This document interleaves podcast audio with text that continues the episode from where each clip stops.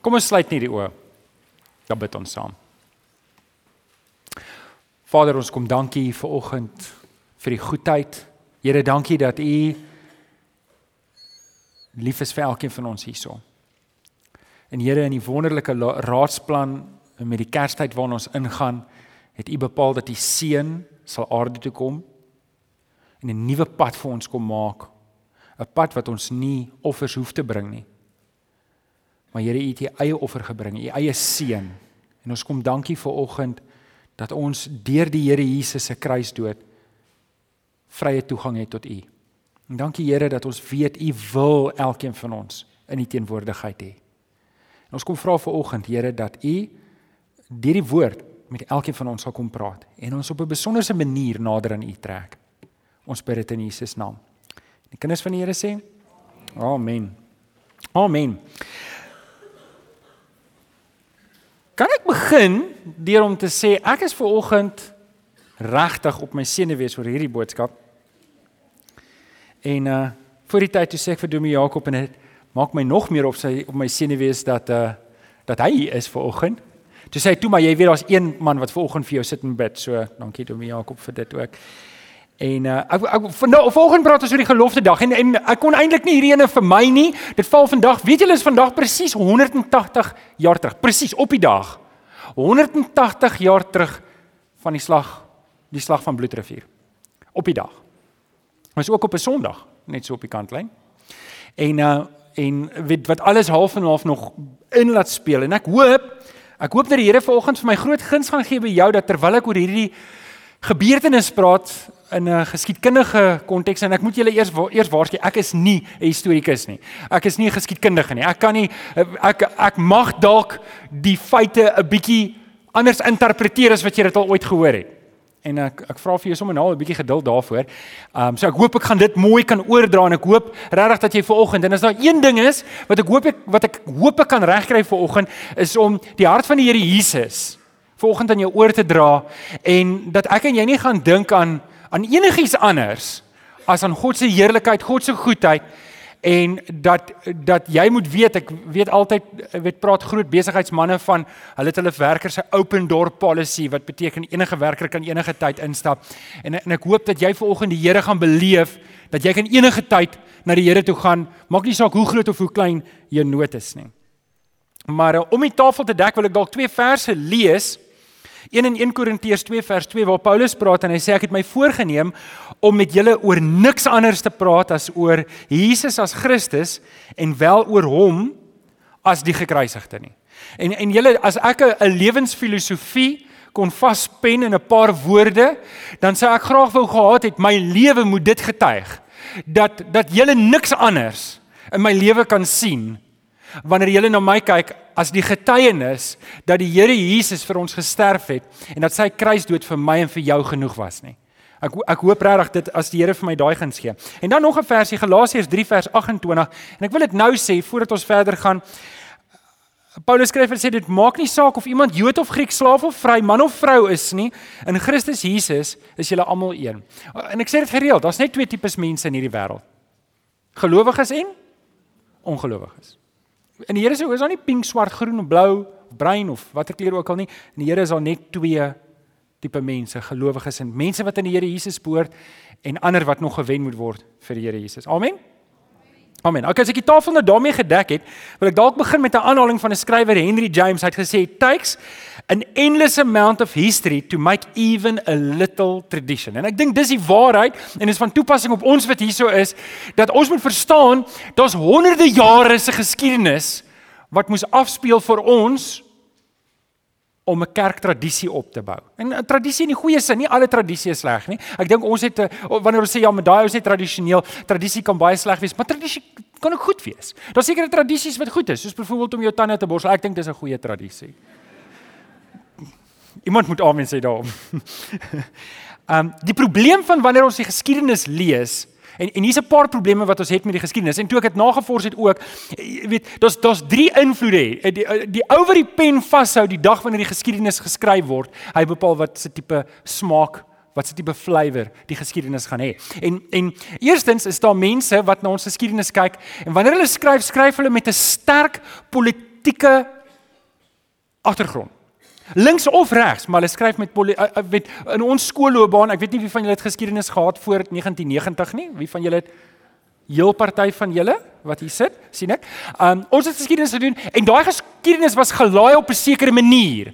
En na 1994 het die geskiedenis heeltemal verander en die geskiedenis is weer eens gelaai. So dit hang af wie die pen vashou wat die geskiedenis skryf. En dis die een ding, die volgende ding is ook etnies. Ek dink eh, wat jou etniese agter of die geskiedkundige skrywer se etniese agtergrond is, bepaal hoe die geskiedenis geskryf word. En dan laastens is daar mense wat kies om geskiedenis uit 'n baie geestelike punt uit te benader. En ek weet is uit die aard van die saak is ek regtig lief vir die Here en en ek moet vir julle eerlik sê, um ek mag mos eerlik wees met julle.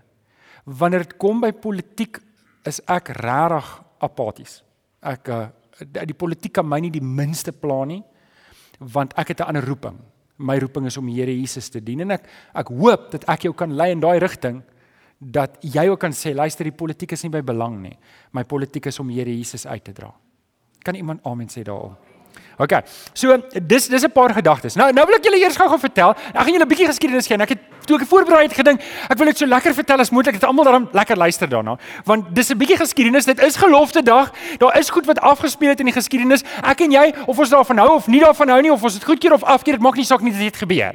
En ek wil julle 'n bietjie agtergrond vertel wat jy dalk nie mag weet nie, wat dalk vir jou gaan help om 'n bietjie konteks te gee op die slag van Bloedrivier, op die agtergrond van wat gebeur het. So, die groot trek het plaasgevind en en eintlik het dit in die vroeg in die 1800s het dit reeds begin. Die boere het baie ongelukkig geraak met die Kaapse kolonie. Uh, Annelie, wil jy nie net vir ons die kaart opsit daar dat dat die mense net kan sien. Suid-Afrika op daai stadium was baie klein. Dis daai is dit pink daaronder. Die pink gedeelte was die Kaapkolonie onder Britse beheer en en dit was maar omtrent Suid-Afrika gewees vir die meeste mense wat uh, weet boere was op daai stadium. En jy kan sien in die ooste kant van die Kaapkolonie, dis waar die meeste boere gebly het ook en hulle het van daar af geboer en hulle het 'n geweldige probleem met die oosgrens gehad. En miskien moet ek julle dalk net 'n bietjie agtergrond gee, want sien die boere het die Khoisas beskuldig dat hulle skape steel.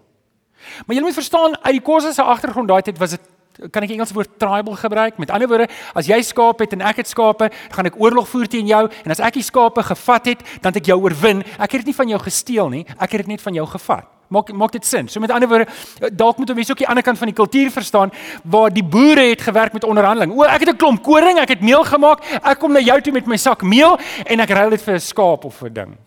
OK.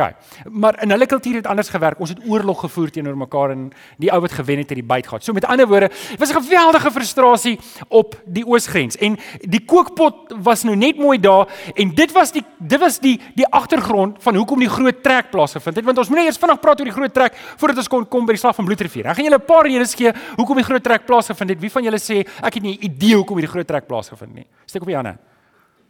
OK, weet almal van julle. Wel dan moet julle maak of julle nie weet nie, okay. Um die eerste rede is want die Britse kolonie het hulle geen beskerming gebied nie. Hulle was hulle was ontbloot daar op die oosgrens en en uh, hulle die Kaapse kolonie, die Britte Britte het net nie omgegee oor die boere nie. Hulle was baie apaties teenoor die boere. En verder was die Britte micromanagers. Hulle wou alles beheer. Hulle het wetgewing in elke ding gesit en julle ongelukkige ding van ons Afrikaners, ons is rebelle. Jy weet, moenie vir ons sê wat ons moet doen nie. As jy vir my sê ek moet 'n ding doen, dan gaan ek dit juis nie doen nie. Kom, wie van julle is so? Moenie moenie vir my sê ek moet 'n ding doen nie. Dan se kwaad. Jy kan vir my sê, "Johan, dink jy nie ons moet dit doen of kom try dit of moenie vir my sê doen dit, moet dit doen." Weet, en ek ek dink dit ek, ek staan van daai ouens af. Ek kan dit hoor, haar koppigheid en alles is daar. Lag my dogter, hoor julle. Sy weet dis waar. Okay. So hulle was ongelukkig oor die oor die Britte wat al die reëls opgemaak het. Dan in 1822 en ek dink dit was 'n groot ding, het die het die Britte 'n reël gemaak dat ehm um, alles sal in Engels gebeur. Alles gaan in Engels gebeur. Kerk sal in Engels gehou word. Okay, as jy besigheid doen, doen jy dit in Engels want ek dink die Britte was geïntimideer want hulle kon net Engels praat en al die meelmoes van tale het hulle geïntimideer. Hulle kon nie beheer uitoefen as hulle nie kan verstaan waar jy praat nie. So hulle wou gehad het almal moet Engels praat. En die boere was nie te vind daarvoor nie. En dan Hoor nou hierdie ding, die volgende twee is nogal baie interessant. Um die Britte wou nie vir hulle die titelaktes gegee het op vir die grond waarop hulle was nie. En dit het 'n dit het 'n negatiewe effek gehad dat hulle dit nie verbeterings op die grond aangebring nie. En nou het hulle hierdie hele tyd hulle het gewag, die Britte het hulle beloof hulle sal titelakte kry, dit kom nie deur nie. Nou sit hulle met die grond. Hulle kan dit nie verbeter nie, want hulle wil dit nie verloor as hulle nie die titelakte kry nie. Sê vir my, hoeveel van dit begin bekend klink vir julle? OK. Nou wag, as jy dink dit klink bekend, hoor die volgende. Die vyfde rede is die Kaap se kolonie was gereeld getuister deur droogtes. En hulle praat van global warming. OK, so die boere, luister, almal kan nie met wyndrywe boer nie. Was al klaar, klaar drankprobleem daai tyd gehad, nou kan jy nou dink. So op 'n manier was die Kaapkolonie net te klein vir al die boere.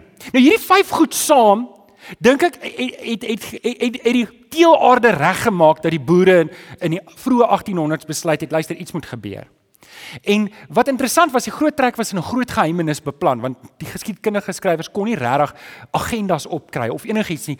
En toe skielik gebeur hierdie massa migrasie waar 20000 boere, dis hulle families en kinders ingesluit het, skielik net begin trek.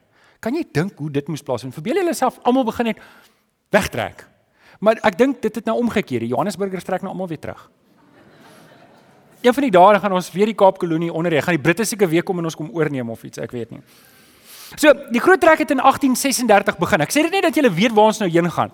Ouens soos Louis Trichardt, Andries Potgieter. So by the way, Andries Potgieter op die slag van Bloedrivier, Sarel se heer was by hulle en ek verstaan Paul Kreer was ook daar en hy was toe 10 of 11 jaar oud. En my navorsing kon ek nie uitvind waar die goud geberg het nie ongelukkig nie. As ek het kon ons dalk die kerk gebou aan die ander kant, maar nog nie. OK. Dalk wil ek julle dalk net nog hierdie twee of drie goed sê van die agtergrond van die boere. Hulle was regtig, regtig godsdienstig. Hulle was regtig lief vir die Here. Weet julle, hulle het huisgodsdiens gehou elke liewe aand. En dit was soos 'n kerkdiens. Die paas het die Bybel gevat het en gelees het, lang hoofstukke op 'n slag. Hulle sou die psalme gesange bundel gevat het en hulle sou liedjies gesing het. En dan sou van die jongste tot die oudste sou kans gekry het om te bid. En en dit was nie 'n vorm godsdiens nie. Dit was hulle lewe. Hulle het geleef vir die Here. Hulle het geleef vir die Here en toe hierdie omstandighede plaasvind hier in die Kaapkolonie, toe het hulle hulle osse wa gevat en hulle het getrek. En en, en ek wil hê dalk moet julle verstaan, weet hier, dit is iets hoor. Om in jou osse wa te klim en hier trek jy die wildernis in. Dis dis 'n groot ding om te gebeur. Um en dit maak as ek nou so oor ons kyk, ek dink daar's bitter min van ons wat hier sit wat oorspronklik van Suid-Afrika is. Meeste van ons kom van ander dele. 'n Paar van ons kom van Frankryk, 'n paar van ons kom van Duitsland, Indië. Of paar, een van ons kom van Indië af. So op 'n manier is almal van ons maar een of ander tipe immigrant wat hiernatoe getrek het en ons is nou hier. Nou. Nou kom ek by die slag van Bloedrivier. So het gebeur dat hulle getrek het. Dit was hierdie groepie onder Andries Pretorius 470 vrouens kinders wat getrek het en hulle het Natal se kant toe getrek. En uh hulle die Saterdag aand het hulle nuus gekry. Daar's 'n groot groep Zulus. 10000 op pad om hulle te kom doodmaak. Ek wil net vir 'n oomblik vir 'n oomblik dink jouself, um Alex, hoeveel hoeveel is ons ver oggend, weet jy al? 320 is dit die kinders in of uit? Uit. Okay, so is dit 320. So beteken ons kan dalk so by die 400 wees vanoggend. Ek, ek wil net hê julle moet 'n idee as jy nou so om jou kyk. So daar was so 70 mense by met die kinders en vrouens en alles. So soos by wat ons nou is. Verbeel julle self ons kry die nuus. Hier kom moeilikheid. Julle moet verstaan hulle hulle het getrek, hulle het grond gesoek, hulle het maar net gesoek om hulle eie ding te doen.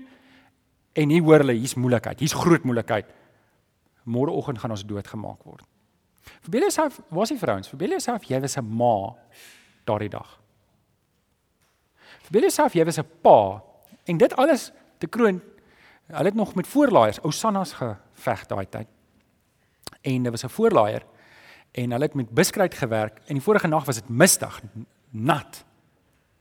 En daar staan hulle sonoggend op en hulle weet hier's moeilikheid. En hulle kom by mekaar En onder leiding van Sarel se leer sê hulle: "Luister ouens, ons is in die moeilikheid.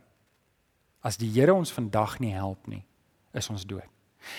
sien die slag van Bloedrivier word vir ons voorgehou as 'n verhaal van die oorwinnings wat die boere gehad het. Maar ek weet nie of julle weet nie, van die 20000 boere wat uit die Kaapkolonie het getrek het, het 10000 gesneuwel. Daar't net 10000. As ek julle moet vertel van Lorenzo Marx, hoe hy opgetrek het Mosambiek toe. Hoe almal van hulle, ek dink net sy seun en nog 2 of 3 mense het dit gemaak. Die res is almal dood. Maar uiteindelik was daar net 10000 mense oor. So julle moet verstaan, daai dag toe hulle bymekaar kom, was dit nie half en half. Kom ons roep die Here aan want ons die weet die Here gee altyd oorwinning, nie? Hulle het geweet die statistieke is teen hulle. Hulle het geweet as as die Here nie ingryp nie is ons dood. En uit daai hoek uit sou ek graag wou gehad het julle moet verstaan dat as as hulle die Here aangryp daai oggend en hulle hulle maak 'n gelofte en hulle vra die Here help ons asseblief. Was dit nie polities gelaai nie. Dit was nie nasionalisties van aard nie. Daar was nie 'n ding van luister, jy weet, ons is die maar ek weet nie wat jy dit wil noem nie. Ons is die manne en die vroue, ons moet die land maak werk nie. Dit was net een ding wat in hulle gedagte is, ons moet hierdie dag oorleef. En ek wil net graag ehm um, Annelie Wennie net vir ons die gelofte wat hulle toe voorgeles het en daai dag gebid het. En ek wil net vir julle lees dat julle net net die idee het wat wat en probeer jy nou self sit in daai skoene. Asseblief julle, ek vra julle mooi om nou nie die laaste 50 jaar se politiek hier in te laai nie. Moenie dit doen nie. Sit jouself, sit jou ma, sit jouself in daai vrou se skoene. Jy het kinders wat hier om jou is. En die kinders vra: "Ma, wat gaan aan? Ma, wat gaan aan?" En, en jy weet nie wat om te sê nie. En en, en die seuns, wat gaan nou pa toe? Pa, wat gaan aan? En die laaste seun wat nog nie weet om 'n vuurwapen te hanteer nie word gesê: "Dis hoe jy hom laai. Dis hoe jy hom laai. Jy gaan môre moet weet." En die sonoggend, vandag, presies 180 jaar terug, lees hulle hierdie voor. Hier staan ons voor die heilige God van die hemel en die aarde om 'n gelofte aan hom te doen. Dat as hy ons sal beskerm en ons vyand in ons hand sal gee, ons die dag en datum elke jaar as 'n dankdag soos 'n Sabbat sal deurbring. En dat ons 'n huis tot sy eer sal opbring waar dit hom behaag. En dat ons ook aan ons kinders sal sê dat hulle met ons daarin moet deel tot nagedagtenis ook vir die opkomende geslagte. Nou vriende, moet vir julle sê dit is waarskynlik nie die oorspronklike ene nie. O, is daar nog, want die eer van sy naam sal verheerlik word deur die roem en die eer van oorwinning aan hom te gee. Is daar nog? Dis waarskynlik nie die oorspronklike een nie. Hierdie hierdie een is opgestel in die vroeë 1900s net om vir ons 'n idee te gee min of meer waartoe dit gegaan het en En daardie daardie oggend toe dag die Zulus op met 10000 manne en hulle kom voer oorlog. En ek kan nie eintlik vir julle sê nie, ek weet nie hoe dit moes wees nie. Maar ek kan mos nou hoor 470 manne, vroue, kinders teen 10000. Ek julle enige ou wat 'n bietjie wiskunde kan doen, kan ons of julle sê dit gaan nie werk nie. En wanneer ek dit lees, dan sê ek maar hoorie die Here het hulle gehelp daai dag. En die Here het vir hulle deurgekom. Die Here het vir hulle deurgekom en hy het hulle gered. Weet julle dat dat net 3 van die voortrekkers het 'n besering opgedoen van een of ander aard. Net 3. Maar 3000 Zulus is daardie dag dood. Weet so, iewers is iets, weet, iewers moes die Here gehelp het en ek kan nie vir julle sê uit 'n teologiese oogpunt weet hoe hoekom die Here dit sou doen nie. Hoekom sou die Here dit doen? Hoekom sou die Here die Zulus doodmaak? Hoekom hulle nie bekeer nie? Verstaan julle? Hoekom hoekom nie? En daar's 'n klomp vrae daaroor, maar ek kan vir julle een ding sê dat ek kan sien die Here se hand was daarin. En die Here het hulle gered, want as die Here hulle nie gered het nie, weet ek nie hoeveel van julle sou nog volgende die gewees het nie. Ek weet my ouers het groot geword in die Natal, so ek kry die idee, miskien sou ek nie gewees het nie. So, ehm um, ek is maar bly dat die Here hulle gered het daai dag met dat ek 'n kans het om hier met julle te praat. Nou oké. Okay. 'n paar kantlyn notas en dan wil ek saam met julle lees uit Prediking 5. Ek, ek wil julle moet onthou, die voortrekkers was kinders van die Here. Hulle het vasgehou in die Here, is al wat hulle gehad het. Die eh, eh, weet so, die voortrekkers was nie noodwendig polities nie. Hulle het vreedsaam uit die Britse kolonie uit gegaan. Dis toe die Engelse later aan agter hulle aankom met die boere Anglo-Boereoorlog plaasgevind het. En die laaste een is ek glo regtig dat die slag van Bloedrivier die Here het ingegryp. Die Here het ingegryp. Nou, kom ons lees saam in Prediker 5 vanaf vers 1 tot 6. Prediker 5 vanaf vers 1 tot 6. Moenie te gou praat nie. Moenie oor haastige belofte aan God maak nie. Want hy is in die hemel en jy op die aarde. Laat jou woorde daarom min wees. Baie doenigheid bring drome. Baie praat lei tot onverstandige woorde. As jy aan God 'n gelofte gedoen het, moet jy nie versuim om dit te betaal nie. Hy hou nie van ligsinnige mense nie. Wat jy beloof het, moet jy betaal. En dan wil ek julle vat na Matteus toe. Matteus 5 en ons gaan daar saam lees vanaf vers 33. Matteus 5 vanaf vers 33. Verder sê die Here Jesus, het julle gehoor dat daar van die ou tyd aan die mense gesê is, jy mag nie jou eed verbreek nie. En 'n eed in die naam van die Here moet jy nakom. Maar ek sê vir julle, moet glad nie 'n eed af lê nie, nie by die hemel nie, want dit is die troon van God, en nie by die aarde nie, want dit is die rusplek van sy voete. Nie by Jerusalem nie, want dis die stad van die groot koning. Jy moet ook nie jou kop op die spel plaas as jy 'n eed af lê nie, want Jy kan nie een haar wit of swart maak nie. Laat julle ja eenvoudig ja wees en julle nee nee. Wat meer gesê word as dit kom van die bose. Nou ek wil hê ons moet vir oggend dalk vier lesse uit die geskiedenis haal vir ons vandag. Maar voordat ons dit doen, wil ek eers net hê, luister die Here verwag nie van jou om beloftes te maak nie. Die Here verwag nie van jou party ons maak baie keer beloftes om ons woord meer waarde te gee. En kan ek eerlik vir julle sê, as ek daardie dag by Andrius Pretorius hulle was en en ek was saam met Sarel Celie, sou ek ook waarskynlik 'n belofte gemaak het. Maar ek wil julle moet mooi verstaan, dis nie die belofte wat hulle gemaak het wat gemaak het dat die Here hulle gered het nie.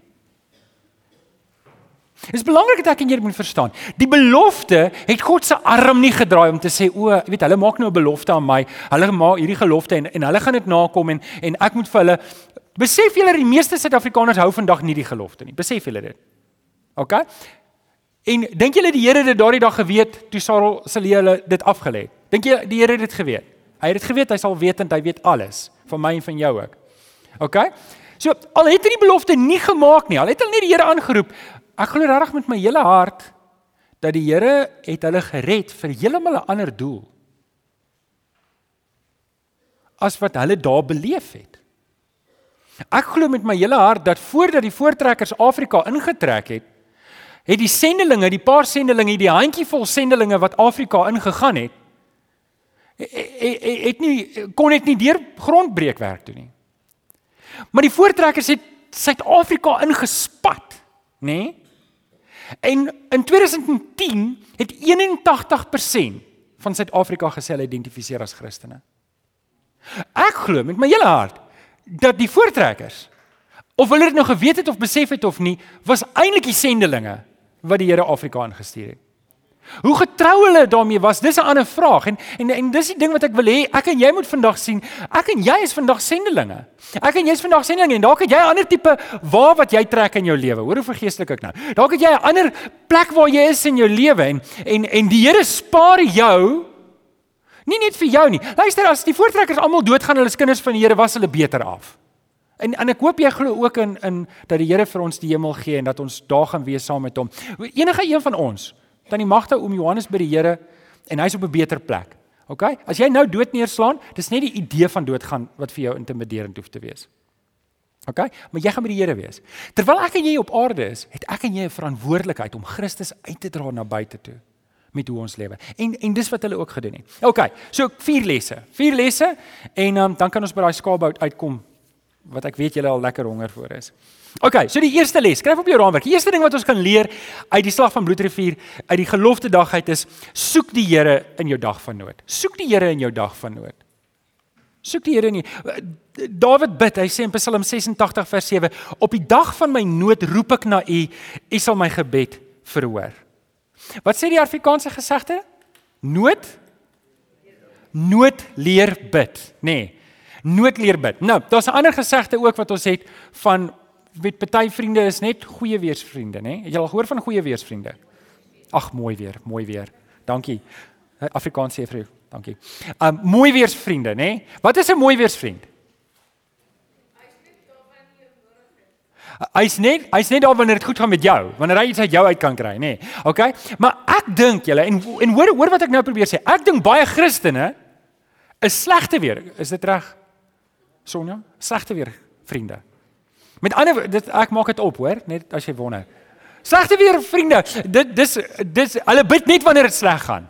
Net wanneer dit sleg gaan, dan gaan soek hulle die Here. En weet julle, die voortrekkers het dit so gemaak nie. Hulle het elke dag die Here aangegryp. Elke aand het hulle die Here gesoek. En vriende, ons moenie slegte weer Christene wees. Ons net die Here gaan opsoek wanneer sê, "Ooh, nou het ek moeilikheid. Nou nou moet die Here my help nie." Dis die, die Here wil hê ek en jy moet 'n lewendige verhouding met hom hê. Luister, die Here Jesus het aan die kruis gesterf, nie net ons te red in ons dag van nood nie, maar hy wil elke dag in ons lewe wees. Hy wil elke dag deel wees van ons lewe. Elke dag wil die Here saam met jou die pad stap. Sê net vir jou langs aan man, die Here wil elke dag saam met jou stap. Ken hom wanneer dit goed gaan ook. Ken hom wanneer dit goed gaan, nie net wanneer dit sleg gaan nie. Weet julle daar's 'n konsep wat hulle noem nominale Christene.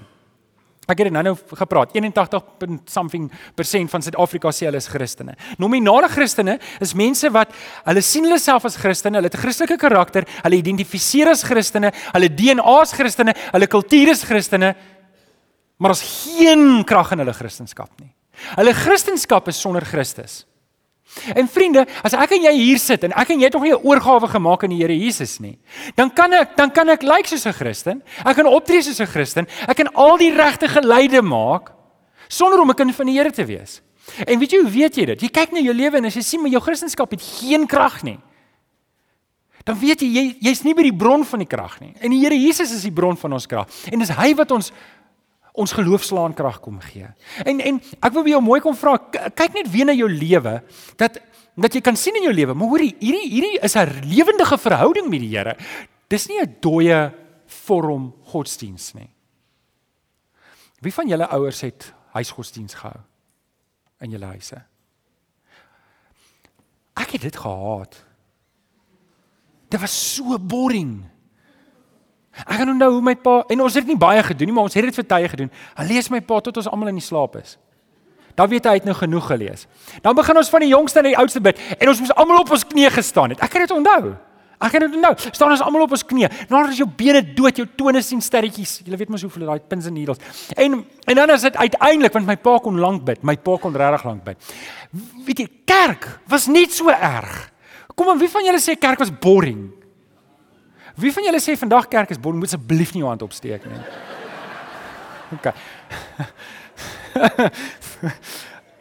Waar was ek nou? En toe word ek 'n predikant. Ek kan nie daar sit nie. Hierdie ouens was nie so gewees nie. Hierdie ouens was Christendom was deel van hulle lewe. Hulle was regtig lief vir die Here. Wie daai versie in Jesaja 29 vers 13 sê hierdie volk dien my met hulle lippe, maar hulle harte is ver van my af. Die Here, die Here Jesus wil vir oggend jou hart hê. Hy wil hy wil nie net my hy wil ons lippe ook hê. Die lofsange moet uit my my en jou se lippe kom, maar dit moenie iets wees wat ons op die bord sien en ons sing dit net omdat ons die dingetjie ken en dit is 'n lekker Kersfees liedjie en o, oh, ek het dit geleer op sonnaskool en ek sing lekker saam. Die Here, die Here Jesus wil ons harte hê. Hy wil vir jou hê. Hy wil jou heeltemal hê. Pens en potjies. Hy wil alles van jou hê. Hy wil van jou alles hê.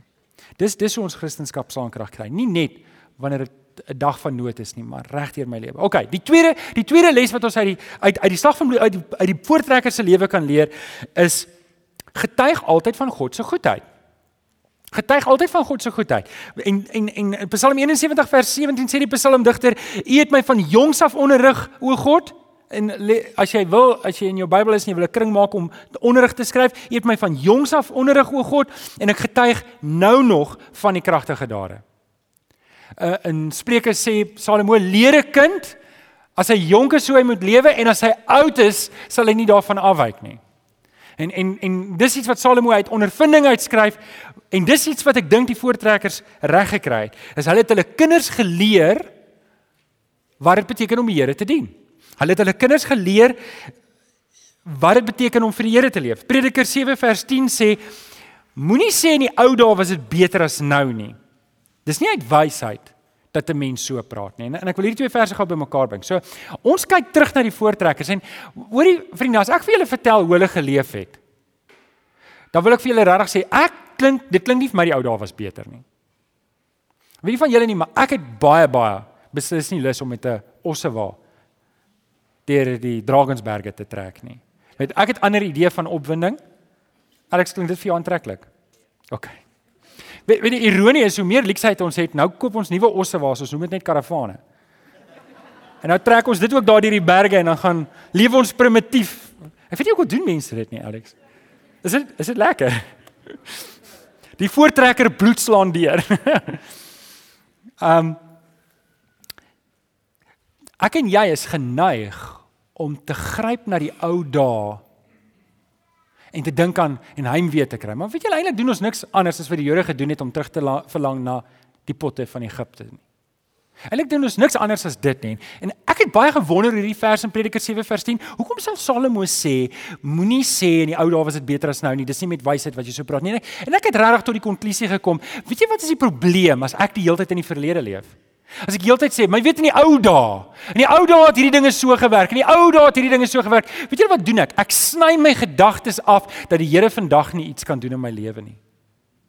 Ek ek weerhou my van om in geloof vorentoe te kyk saam met die Here om te sê, "Maar the best is yet to come."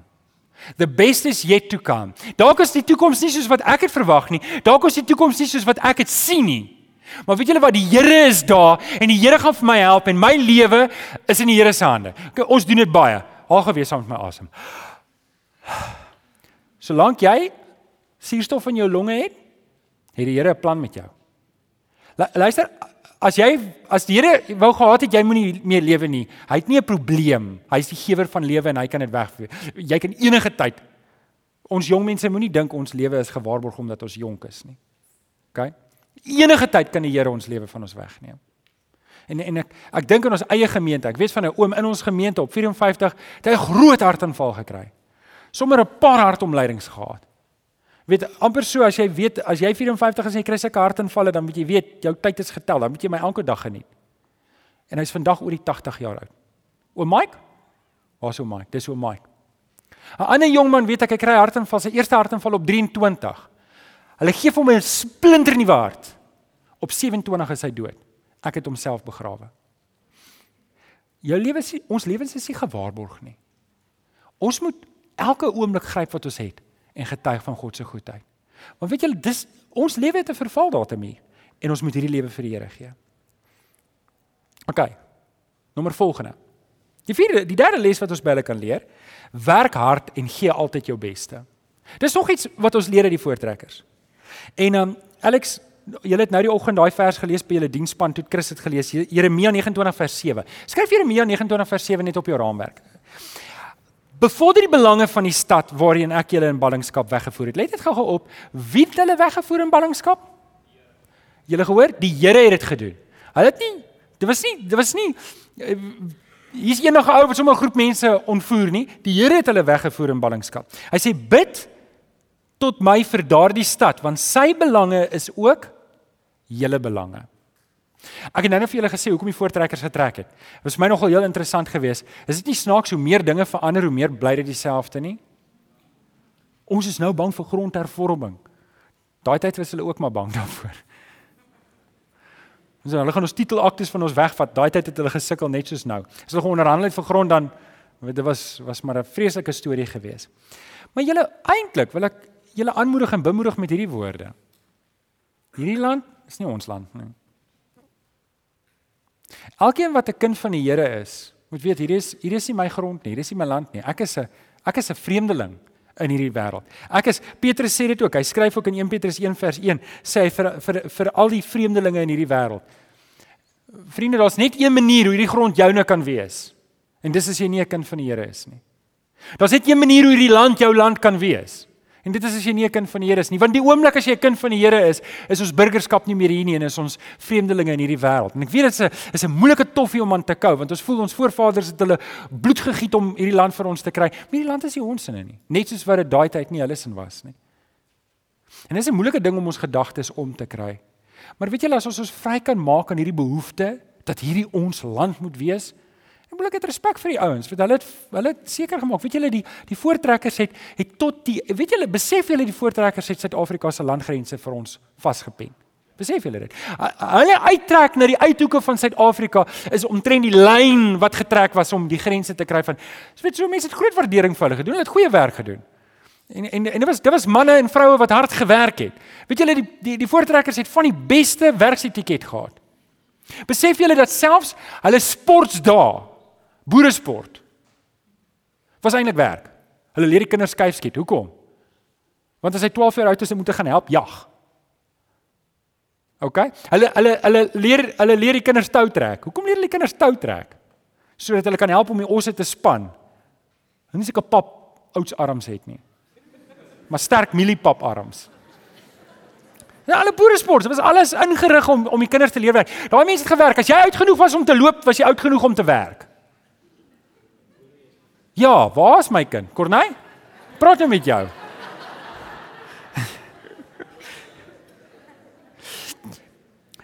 En en en julle dit dit moet dit moet deel wees van 'n kind van die Here se werkskode.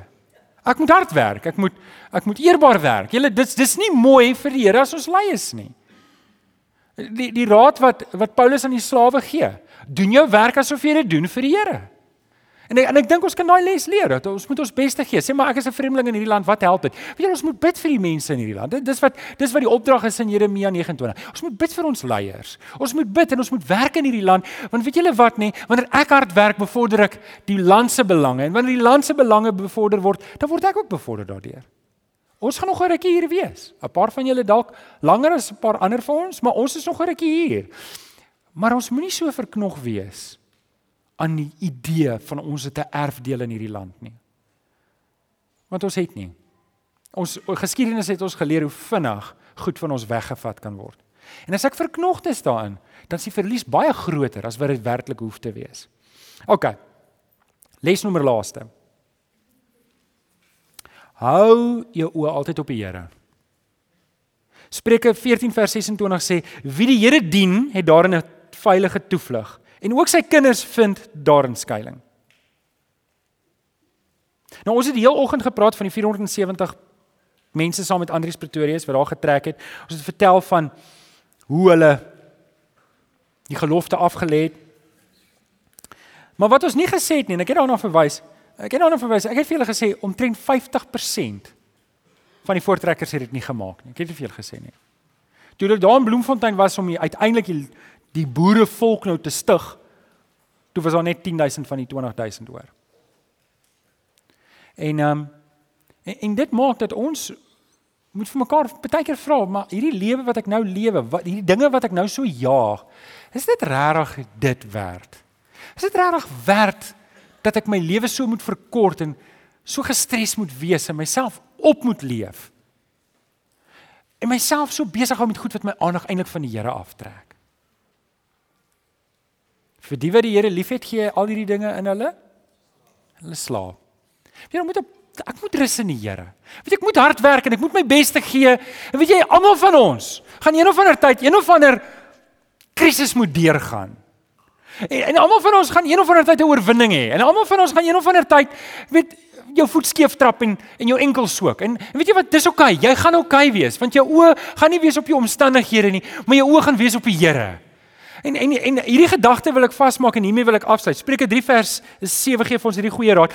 Dien die Here vir my wat sleg is. Prediker 12 vers 13 gee ons hierdie die slotsom van alles wat jy gehoor het is dit: dien God en gehoorsaam sy gebooie, want dit is wat van die mens gevra word. In uh, Handelinge 2 vers 40 preek Petrus en hy sê daar's geen ander naam gegee onder die son waarby 'n mens gered kan word as die naam van die Here Jesus nie. Ons moet ons op die Here hou. Vriende, ons hou nou gelofte dag vandag, ons herdenk dit nou en ek weet nie waar jy vanoggend staan nie. Dalk is jy links van die vergadering, dalk is jy regs van die vergadering. Dit maak nie saak nie. Hou jou op die Here.